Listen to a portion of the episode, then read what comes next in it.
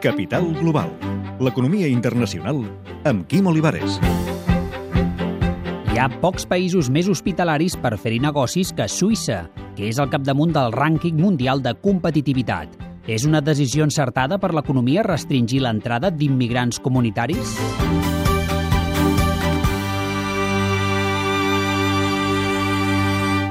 Ivan Martín, economista, investigador del CIDOP, consultor sobre migració i ocupació. Desde el punto de vista económico, sin lugar a dudas, no. Para Suiza es, es, una mala decisión. Suiza necesita mano de obra extranjera, calificada y no calificada. Es una decisión claramente política y que está motivada por, por eh, eh, actitudes sociales mucho más que por consideraciones económicas. Y la mejor prueba, la Confederación de Empresarios Suizos ha recomendado votar en contra de esta medida.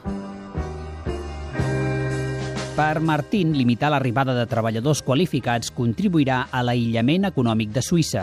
La mateixa banca helvètica pot perdre un actiu important. Umuhan Bardak, experta en mercat laboral, treballa a l'European Training Foundation i ha vingut a Barcelona convidada pel CIDOP. Ells donen feina a gent de tot el món perquè els seus serveis bancaris de primera classe donin satisfacció a les necessitats dels clients. Per exemple, és molt diferent si un client francès va al banc i es troba un empleat francès, el mateix pels àrabs, etc. Perquè la manera de fer banca es basa en la confiança. A més, la decisió va contracorrent, ja que les potències mundials protagonitzen una cursa per aconseguir mà d'obra qualificada. En general, hi ha una demanda global de gent amb talent, fins i tot hi ha una competició. Si un país atreu mà d'obra qualificada, això pot comportar que augmenti la seva competitivitat.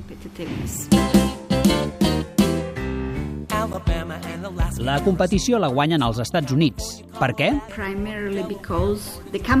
Principalment perquè les empreses són més flexibles a l'hora de contractar gent en pràctiques i paguen una mica menys als estrangers que als natius. Allà és més fàcil el trànsit de la universitat a l'empresa. Un porcentaje muy alto de, de los jóvenes van a la universidad, pero hay un ciclo inicial de formación universitaria muy generalista que todos adquieren y que en principio te dota de las capacidades fundamentales para entrar en el mercado de trabajo y en el caso de que quieras acceder a profesiones más especializadas haces un segundo ciclo para ser abogado, para ser médico, etc. A Alemanya, amb el sistema de formació professional dual, també es facilita aquesta transició. Otra cuestión es si eso ha contribuido necesariamente a crear buenos ciudadanos, con capacidad crítica, o, pero sin lugar a dudas ha contribuido a crear trabajadores productivos que no tienen muchas dificultades para encontrar un, un trabajo porque toda su actividad educativa la han orientado hacia eso. Aquests països atreuen treballadors formats que en molts casos només tornaran a casa per visitar la família. És l'anomenada fuga de. Hay mucho debate académico y de política sobre la fuga de cerebros, en qué condiciones realmente es una válvula de escape para el desempleo de una economía. En realidad puede incluso producir una mejora de las cualificaciones de algunos países, porque ante la perspectiva de emigrar, si uno eh, recibe determinadas cualificaciones, la gente invierta más en educación.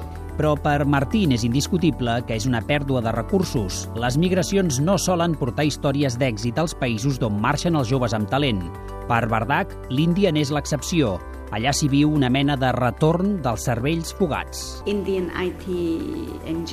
Enginyers de tecnologia de la informació de l'Índia que van emigrar als Estats Units, a Silicon Valley, han tornat a alguns estats de l'Índia estables i fiables per fer-hi inversions. Perquè tornin a migrants d'alta qualificació, has de donar-los les condicions bàsiques, no passa automàticament.